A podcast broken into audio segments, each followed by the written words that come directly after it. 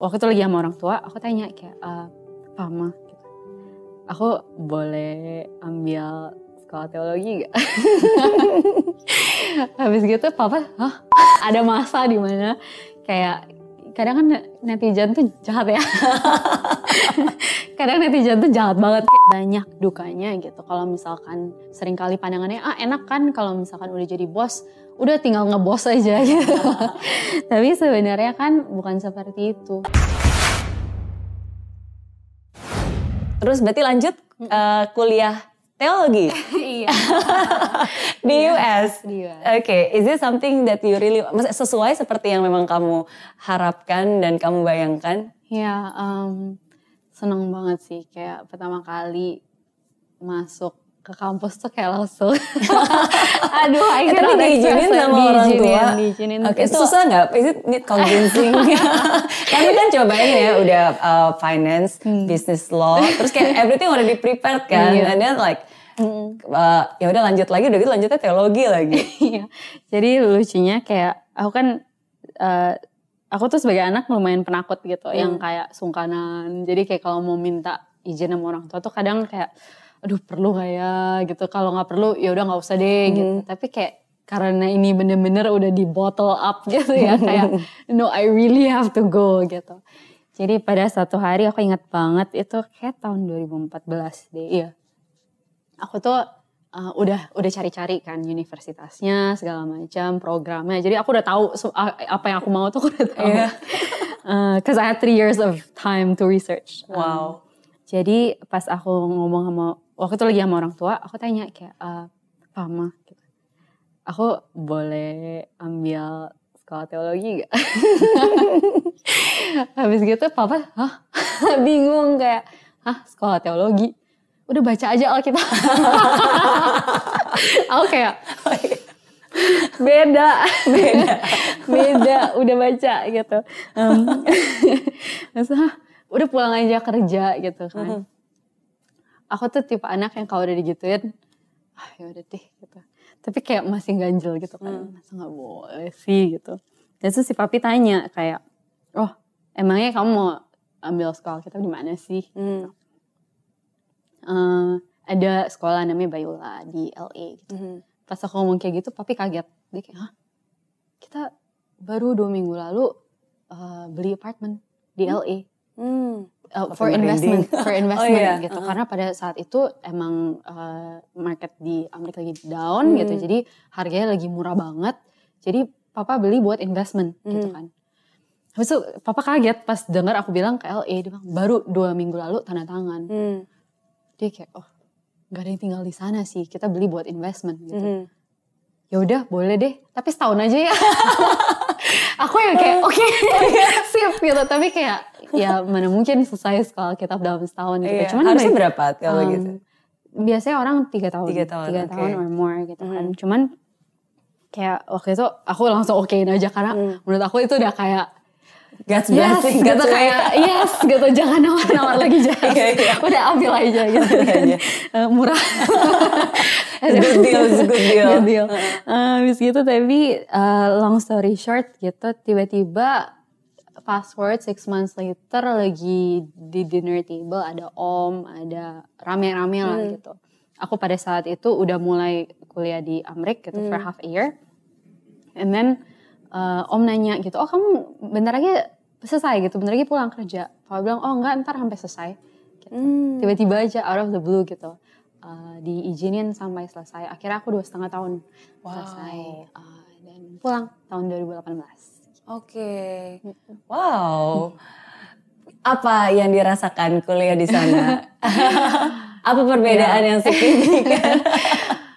Gimana ya, kayak buat aku itu kayak satu privilege tersendiri sih hmm. karena menurut aku uh, untuk pendalaman teologi itu ya it's not for everyone lah kayak maksudnya nggak semua orang harus hmm. uh, kuliah kayak pergi ambil teologi gitu tuh nggak harus gitu ya cuman buat aku sendiri itu satu privilege yang sangat aku syukuri karena di dalam dua setengah tahun itu I think gimana ya itu kayak masa uh, Sabbath, extended Sabbath. I would consider it that gitu. Dan justru yang lucunya kayak di dua setengah tahun itu uh, di mana aku mulai belajar tentang uh, I would say uh, work as ministry. Hmm. Karena sebelumnya aku tuh kenapa aku mau masuk ke teologi itu karena pikirnya aku pengen masuk ke dunia pelayanan, hmm. yaitu dunia uh, either dalam gereja ataupun uh, di mission field gitu. Hmm. Nah, cuman uh, waktu aku ambil teologi itu satu hal yang aku pelajari adalah seluruh dunia ini milik Tuhan gitu. Hmm. Kayak dan sering kali kita itu suka divide gitu apa yang sekuler dan apa hmm. yang uh, sacred gitu. Hmm. Tapi sebenarnya nggak seperti itu. Kalau kita percaya seluruh dunia ini adalah milik Tuhan, uh, pekerjaan yang kita lakukan sehari-hari pun adalah pelayanan, hmm. gitu. Um, dan itu yang buat aku dalam dua setengah tahun itu made a change in my own mindset gitu. Sedangkan okay. sebelumnya aku nganggep aku nggak mau kerja, ah aku nggak mau kerja di kantor karena uh, that's not glorifying to God. Itu mindset aku sebelumnya gitu. Tapi dalam dua setengah tahun itu benar-benar menurut aku sih hati aku diubahkan gitu ya, hmm. di mana aku mulai menyadari bahwa aku masuk ke dunia perkantoran itu pun juga pelayanan gitu. Hmm. Bagaimana kita bisa misalkan menyediakan, aku kan di financial services, uh, bagaimana kita bisa menyediakan produk-produk yang menyejahterakan orang lain, hmm. itu juga bagian dari pelayanan.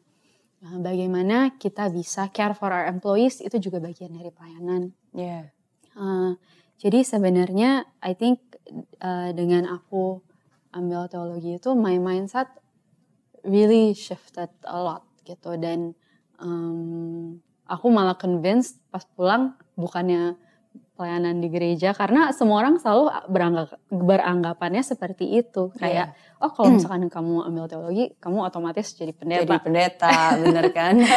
Tapi kayak uh, buat aku malah it's the other way around gitu. Kayak bagaimana kita bisa menjadi berkat di mana pun um, Tuhan tempatkan gitu. Hmm in marketplace pun in juga marketplace. bisa kan. Justru itu yang lebih related. Maksudnya sometimes kadang-kadang kan yeah. ya Tuhan yeah. kan selalu menggunakan uh, our weaknesses yes. untuk show his strength kan. Yes. Jadi sometimes kadang-kadang justru tempat yang paling butuh pelayanan ya justru yes. sebenarnya di tempat-tempat yang nggak punya akses atau bahkan jauh dari yes. um, kayak tempat-tempat ibadah. Bener, nggak sih? Bener banget. Oke, okay. oke. Okay. Tapi back to Indonesia, that means back to reality. back to reality. back to reality dengan uh, pekerjaan, dengan tanggung jawab, dengan oh, dengan banyak hal lah. Maksudnya itu kan um, pasti satu hal yang nggak mudah juga yeah. buat Jessica. Yeah. Uh, aku baca di Instagram kamu, kamu pernah share katanya banyak anak muda selalu pengennya bisa mendidiki posisi tertinggi di perusahaan ya kan? Tapi um, ternyata ya nggak segampang itu dan nggak semudah itu. Suka dan duka mungkin lebih banyak dukanya katanya. Is it really like that? Oh, wow. Yeah yes so wow you actually read that. Yes um iya. Yeah. waktu itu soalnya uh, context wise aku diundang bicara di Makassar. Mm -hmm. um, ada youth expo gitu di sana. Habis gitu disuruh encourage um, untuk anak muda in terms mm. of entrepreneurship gitu kan. And then yeah, there was a question that was popped up dari audience. Mm. Uh, salah satu anak ini bilang, oh eh, kak gimana sih apa di kan kakak sekarang di usia muda udah menduduki mm. jabatan direktur gitu ya. Kayak gimana rasanya kayak what are the joys gitu yeah. kan. So kayak pas ditanya gitu aku langsung dek kalau boleh jujur lebih banyak dukanya sih karena in one sense gitu some ini mungkin um, aku ngomong dalam segi selfishnya dulu ya. Yeah. Sebagai anak muda itu kan sering kali kita masih pengen explore satu, hmm. masih pengen like tadi kita ngomongin tentang pengen explore my passion. Kembali ke situ lagi ya. Pengen explore my passions, uh, pengen um, coba-coba lah kayak aduh ke uh, industri inilah, industri itu. It's okay yeah. gitu. Sebenarnya that's fine gitu ada keinginan untuk seperti itu juga kan dan ada keinginan untuk memiliki social life juga lah.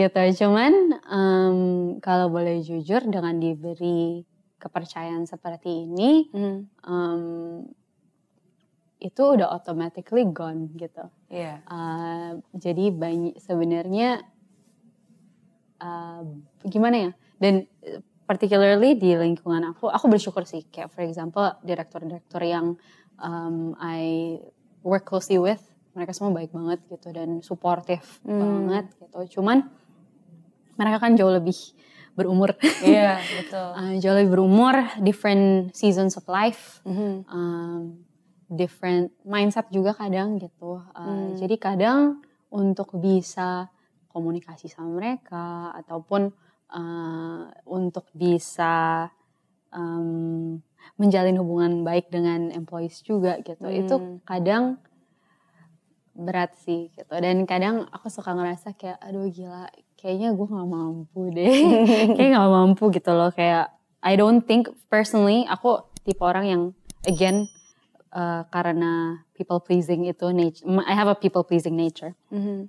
jadi suka ngerasa kayak I'm not enough um, jadi kalau misalkan kayak diberi posisi seperti ini gitu sering kali ngerasa kayak aduh gila kayaknya um, my decision ini benar nggak ya?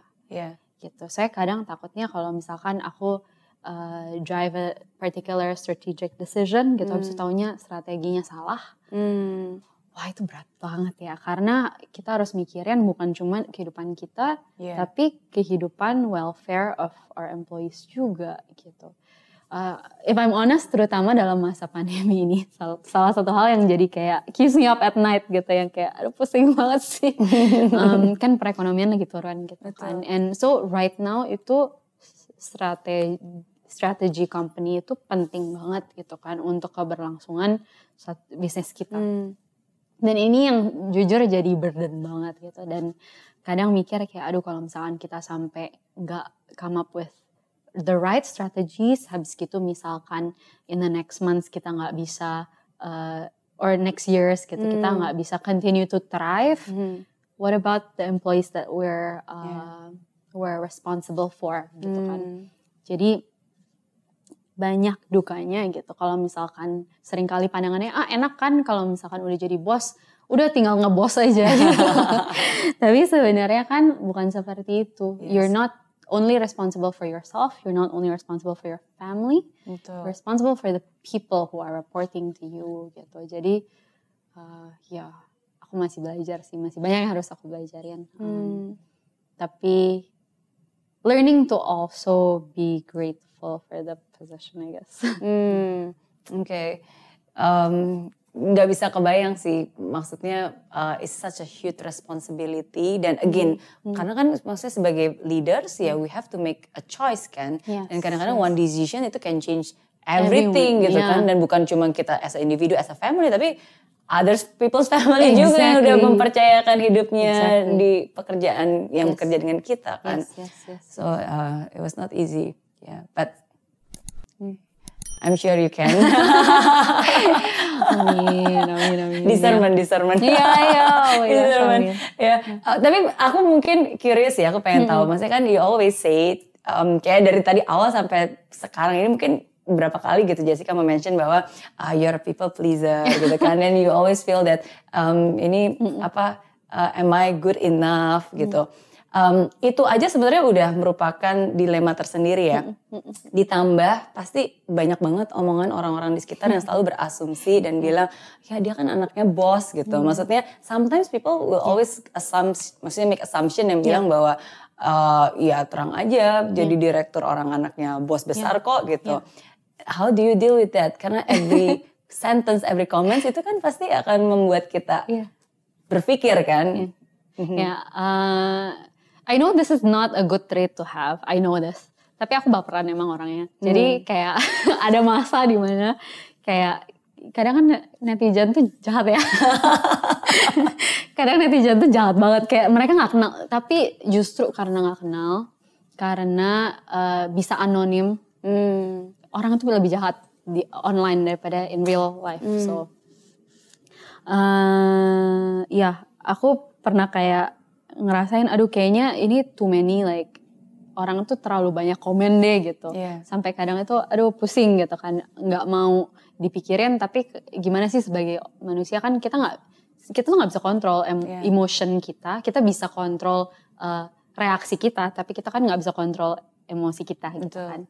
Um, jadi akhirnya yang aku lakuin adalah aku matiin komen di IG gitu, mm. uh, sengaja gitu, karena menurut aku udahlah you know what matiin aja. I don't have to hear these comments gitu mm -hmm. itu satu. Tapi uh, kedua itu kalau misalkan ada, of course ya pasti masih adalah yang uh, ngomong ini atau itu gitu, berasumsi ini atau itu. Um, over the years juga belajar sih untuk gimana ya kayak uh, oke okay, tampung ada benernya nggak saring? Kalau ada benernya apa yang bisa aku perbaiki? Uh, hmm. kalau misalkan uh, ini cuma asalnya plusnya plus orang nggak kenal ya udah uh, let go gitu let go. Tapi ada unsur saringan itu sih yang menurut aku penting. Karena kadang kan uh, immediate reaction kita adalah udah masuk kuping kiri keluar kuping kanan gitu. Uh, tapi kan sebenarnya kita juga harus belajar untuk mendengarkan orang lain gitu.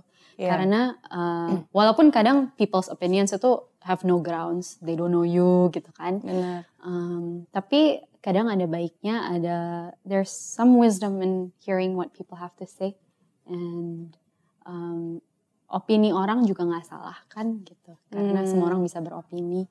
Uh, jadi mungkin itu sih yang aku belajar untuk terapin kadang gitu nggak nggak gampang sih suka kayak pas nampung kayak baper dikit gitu baper pas baper kayak aduh aduh kok ini orang jahat sih tapi ya udah ntar habis filter baru oke okay, uh, we'll, we'll be fine iya iya iya well nggak penting apa yang orang lain katakan kepada kita tapi yang lebih penting adalah apa yang kita katakan terhadap diri kita yeah. sendiri kan yeah, after yeah, all yeah. these things yeah. kan yeah. apa yang membuat kamu mau terjun ke politik?